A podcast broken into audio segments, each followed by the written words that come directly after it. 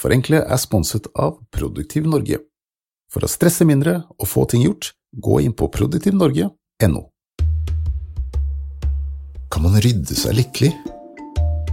Her i Norden tilbringer vi mye tid hjemme, så det er naturlig at det er en tett sammenheng mellom hvordan vi har det der vi bor, og hvordan vi føler oss. Hjemme hos meg f.eks. kan man lett måle stressnivået mitt på hvor ryddig jeg har det. Når jeg er stressa og sliten, hoper rotet seg opp, mens når jeg har overskudd og orden i livet mitt, er huset mitt også ryddig og rent.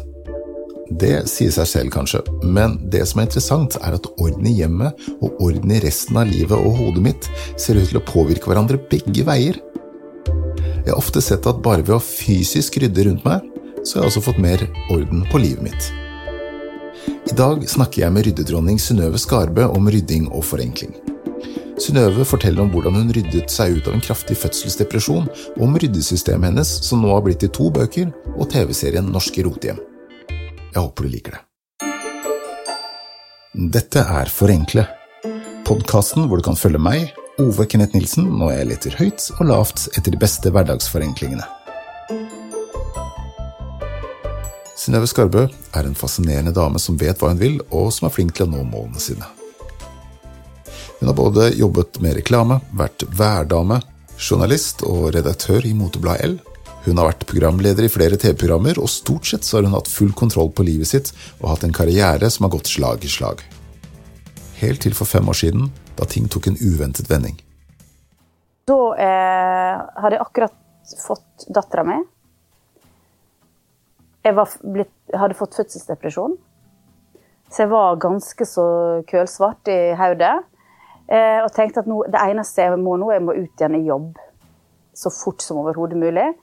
Så jeg gleda meg helt til å liksom, Jeg, jeg kutta hele permisjonen og ville tilbake igjen i jobb i, liksom på et eller annet TV-prosjekt.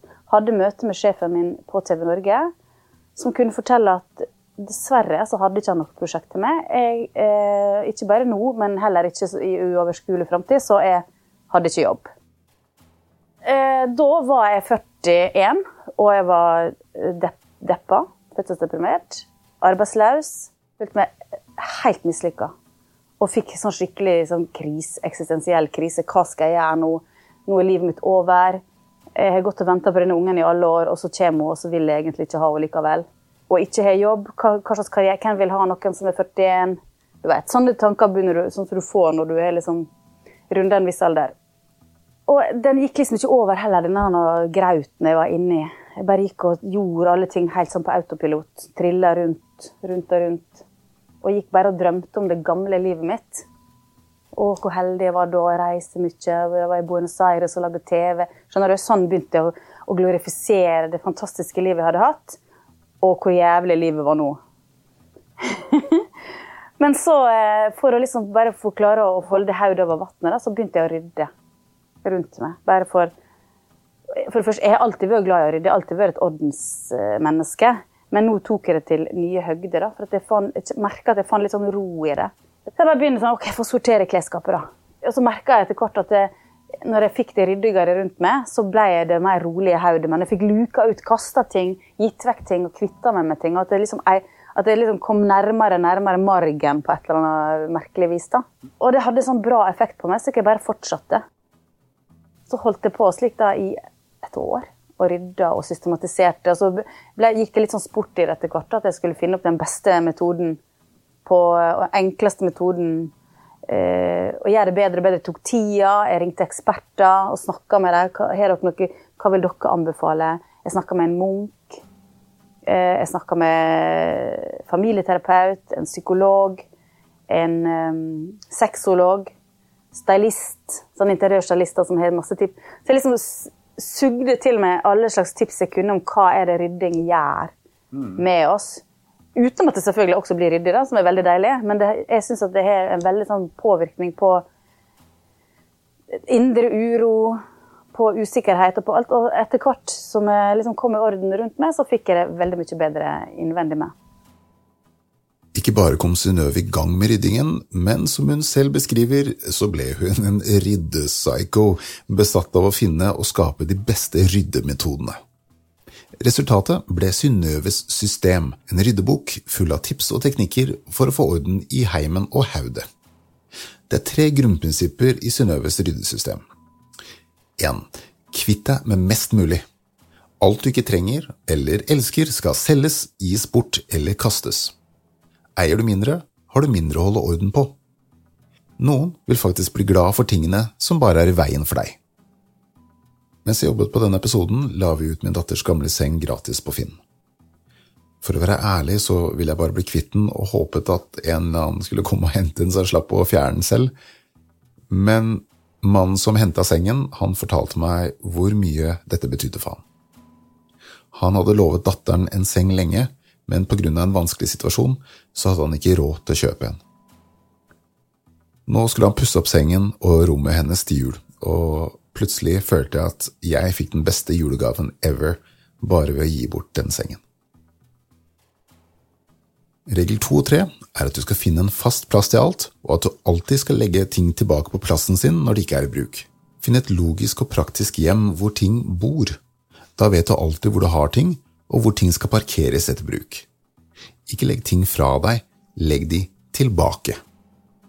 I TV-programmet Norske rotehjem går Synnøve og ryddeteamet hennes drastisk til verks når de skal hjelpe folk bli kvitt alt rotet sitt. Men hun må innrømme at da hun selv startet å rydde, var det ikke bare bare å kaste ting. Det første Synnøve begynte med, var klesskapet sitt. Hun sorterte og sorterte og sorterte i seks timer med hard prioritering og til slutt satt hun igjen med en bunke som hun skulle beholde, og en bunke hun følte hun kunne kvitte seg med. Kvitte seg med bunken hadde fem kjoler, mens beholde-bunken hadde 267. Hmm. Jeg fant bare en hel haug med ting eh, som, jeg fant, som, jeg ikke hadde sett eller brukt på mange mange år, men som jeg likevel fant en grunn for å beholde. Da. For at jeg, ja, men kan hende skal på Veit aldri. Kanskje får sixpack, eller kanskje skal til Hawaii og bo der noen måneder. Altså, alt var liksom Klarte ikke å kaste en eneste ting. For jeg hadde følelser for alt plutselig, selv om jeg ikke husker at jeg hadde det engang. Men så tok jeg det opp igjen noen uker senere, og da var jeg litt mer i det kyniske hjørnet. For da hadde jeg eh, da hadde jeg møtt en gammel kompis som hadde sett at jeg hadde den samme bilen som jeg alltid har hatt. Så sier han jøss, kjører du den gamle kjerra her fortsatt? Ja, hatten siden 2001. Ja ja, du har nå aldri vært så glad i å fornye det, du, Synnøve. Det brant seg sånn fast i denne hjernen min at jeg tenkte sånn Jeg skal jaggu meg vise han. Skal, nå, skal, nå, nå, skal det skje. Så for jeg hjem igjen eh, og bare radbrekte klesskapet. Ut med alt som ikke ble brukt, eller som jeg ikke trengte. Eller ja, Da fikk jeg fart på sakene.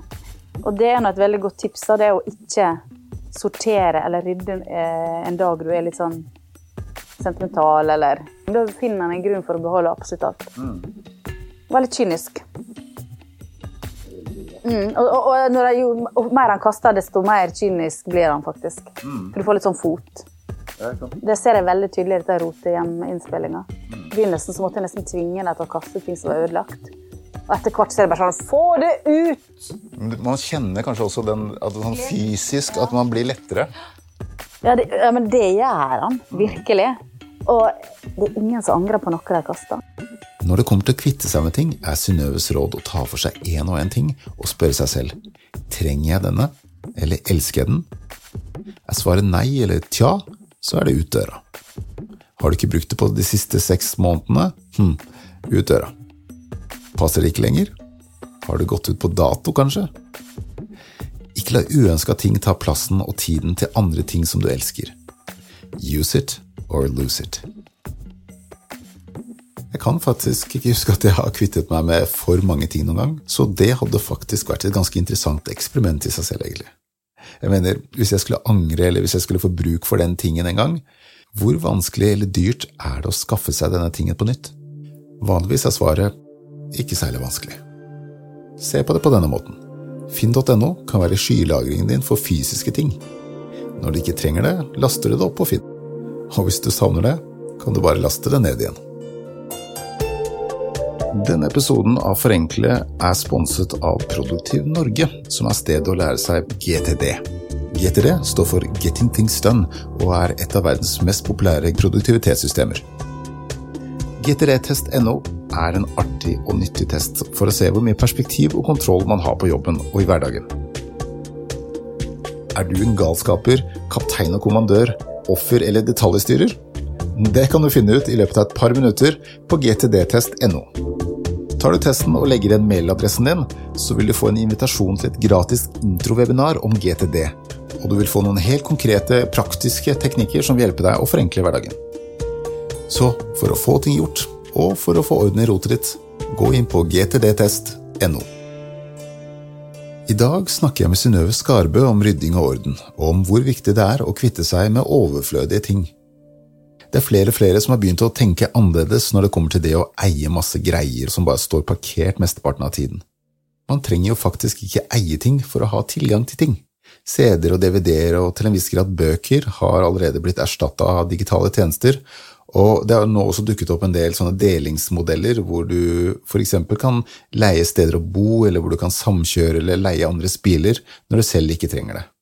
Noen som har drevet med delingsøkonomi siden 1785, er Deichmanske bibliotek, hvor du nå i tillegg til å kunne låne bøker, musikk og film, også kan låne f.eks. verktøy. Ja, jeg heter Oddvar Thorsen. Jeg jobber på Deichmanske bibliotek på Tøyen. Vi har begynt med utlån av verktøy eh, gjennom liksom det vanlige, altså at du bruker bibliotekskortet ditt, akkurat som å låne en bok, bare at du låner ganske enkle verktøy isteden. Visstnok, da, så brukes en drill gjennomsnittlig ca. i tolv minutter. Resten av tida står den og samler støv. Eh, og så har vi jo alle en drill, eh, som da ikke brukes spesielt mye gjennomsnittlig, i hvert fall. Eh, så det var tanken, da, at eh, man kan gjøre det på en mye enklere måte ved at vi har en felles drill på biblioteket som man kan eh, låne på bibliotekskortet sitt. Jeg, synes, jeg elsker jo tankegangen. Ehm, hvilke, hvilke, andre ting er det man kan eh, finne i Toolpool? Det er eh, stikksag, sånn slagbor, to ulike pussemaskiner. En til sånne små detaljjobber og en til litt større sånn, ta, ta et stort bord. Eh, vi har eh, ganske masse tvinger, eller sånne klemmer. Mm, lasermåler.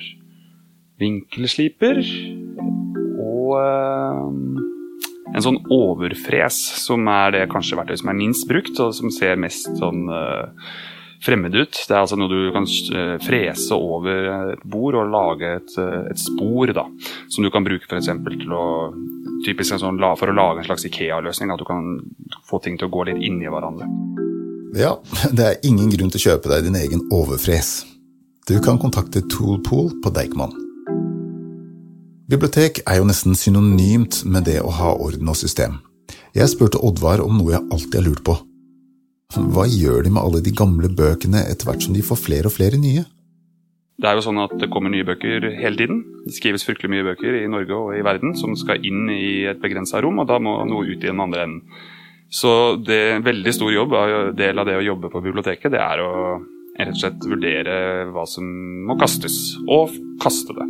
Og det er nok noe i hvert fall naturlig tror jeg folk har noe, en slags motforestilling mot å kaste, kaste bøker spesielt. Da. Det, på et eller annet vis så føler jeg at det representerer kanskje liksom, Det er litt som å kaste et menneske. da. Det er jo liksom tankene til folk som du hiver i søpla, og det sitter langt inne. Det er liksom nesten at det er noe litt sånn hellig. Folk går alltid en omvei, prøver å gi det til Fretex eller til biblioteket eller hva som helst, bare ikke kaste det i søpla. Liksom, kaste det i søpla er jo egentlig bare ett skritt unna å brenne det, og det er jo ikke noe som har uh, gode assosiasjoner, da. Men uh, det må gjøres, og i hvert fall på biblioteket så må det gjøres. Uh, og da det er rett og slett noe man bare lærer seg. Da.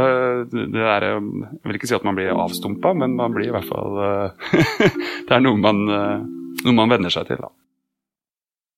Jeg syns ofte at det, det, er bra å begynne å rydde når man er en slags brytning i livet. Kanskje hvis det er et brudd, du flytter. Det å flytte er en gyllen anledning til å starte på nytt. Eh, kanskje hvis du skal ha unge, eller, eller bare at du er liksom dritlei av å gå rundt i ditt eget rot og ikke få orden. Og så er det det å begynne med den eh, kategorien som du har minst følelser for. Mm. Det som er lettest for deg å kvitte deg med. da. I mitt tilfelle er det sånn kjøkkenutstyr. Mm. Det, det, er jeg ikke så opptatt av. Jeg er ikke flink til å lage mat. Jeg er ikke glad i å lage mat. Så alt det som er på kjøkkenet, kunne jeg egentlig bare gjort sånn. Få det ut og take away resten av livet. Topp, topp stemning. Eh, Så begynn med det som er- betyr minst for deg, og så trener du på en måte opp ryddemuskelen etter hvert. I boka mi så skriver hun også om at du skal ta for deg kategori for kategori. Ja, fortell litt om det. Ikke rom for rom. La oss nå si klær, da. Det er en kategori. Du har ikke alle klærne dine én plass. Du har noen i gangen, noen ligger i boda, kanskje noen over badekaret, noen på soverommet, mest i skapet. Så hvis du ta, du liksom, hvis du skal få skikkelig oversikt over hva du har, og hva du kan kvitte deg med, så må du få absolutt alt samla. Så derfor skal du ta for deg kategori for kategori, ikke rom for rom. Så da tar du alle klærne, legger i en svær haug, sorterer ut og inn. Og så selvfølgelig noen klær må henge i gangen. Ytterjakkene skal henge der. Men alt det andre kan liksom samle det en plass. Tar du for deg en og en kategori, så kan du, av, da ikke, da kan du ta den lille, og så er du ferdig for i dag. Tar du neste neste dag, videre. Du sparer tid på det, og så får du, veld, får du mer idé av det. Kan ikke du fortelle meg litt om uh, den nye TV-serien? Du, den heter Norske rotehjem. Serien handler, går ut på at jeg og et team med en snekker og en um, interiørstylist drar hjem igjen til rotekopper i nød og, som har søkt, og hjelper dem med å rydde opp. En av de historiene som jeg husker som rørte meg veldig da når vi lagde Norske rotehjem, det var ei trebarnsmor som hadde hatt ME i ti år. Og vært veldig sjuk. Og hun hadde altså sovet ned i kjelleren. Det var med sånne små små kjellervinduer som hun hadde teipa igjen med søppelsekk. Så delte hun rom med to kaniner nederst i kjelleren deres, kjellerstue, som var gjort om til et soverom. Og der hadde hun bodd i ti år Hun hadde liksom bare kara seg opp til å få gjøre det aller mest nødvendige med ungene. Og hadde bare da selvfølgelig ikke hatt kapasitet eller overskudd i det hele tatt til å rydde. Så der hadde det hopa seg opp ting. Og, og i tillegg så hadde hun bare ligget og shoppa på nett. Det var altså så fullt, så jeg aldri har sett et hus hver noen gang. Det var, og det var støvete, og det var liksom stab kasta inn. Det så ikke ut. Jeg fikk helt sjokk. Og så ser du eh, Nå var hun på bedringens vei, da, hun her eh, mora. Og jeg bare så på øynene hennes hvor mye det betydde for henne. Dette er vokst, som er vokst som sånn, både fysisk et stort fjell med rot, men sånn innvendig også, så er det blitt en sånn aversjon for henne. Hun vet ikke hvor skal hun begynne når det ser så jævlig ut. Um, så bare, jeg- bare første blikket jeg fikk med henne når jeg liksom hilste på, var bare ser at hun er sånn Det var bare et eller annet dette blikket hennes som rørte meg sånn at jeg nesten begynte å grine når jeg møtte henne. For jeg tenkte gud, dette her er så viktig for det at eh, dette skal jeg jaggu meg naile. Så vi rydda oss i hæl i to dager og fikk fiksa opp, i hvert fall slik at hun hadde fått seg type nå, da. Slik at hun og han typen fikk flytte opp i øverste etasjen med lys og luft. Eh, og flytta ut av dette rommet nede i kjelleren for godt. Og hun var altså så glad når hun liksom fikk hjelp på en gigacontainer som vi fylte helt til randen. Nei, den, eh, hun er kanskje den som har gjort mest inntrykk på meg. Men det var veldig mange sånne fine historier som jeg endte godt. da. Det er veldig mye gøyere når du skjønner at det ligger noe annet bak enn at det bare Oi, vi er litt rotete.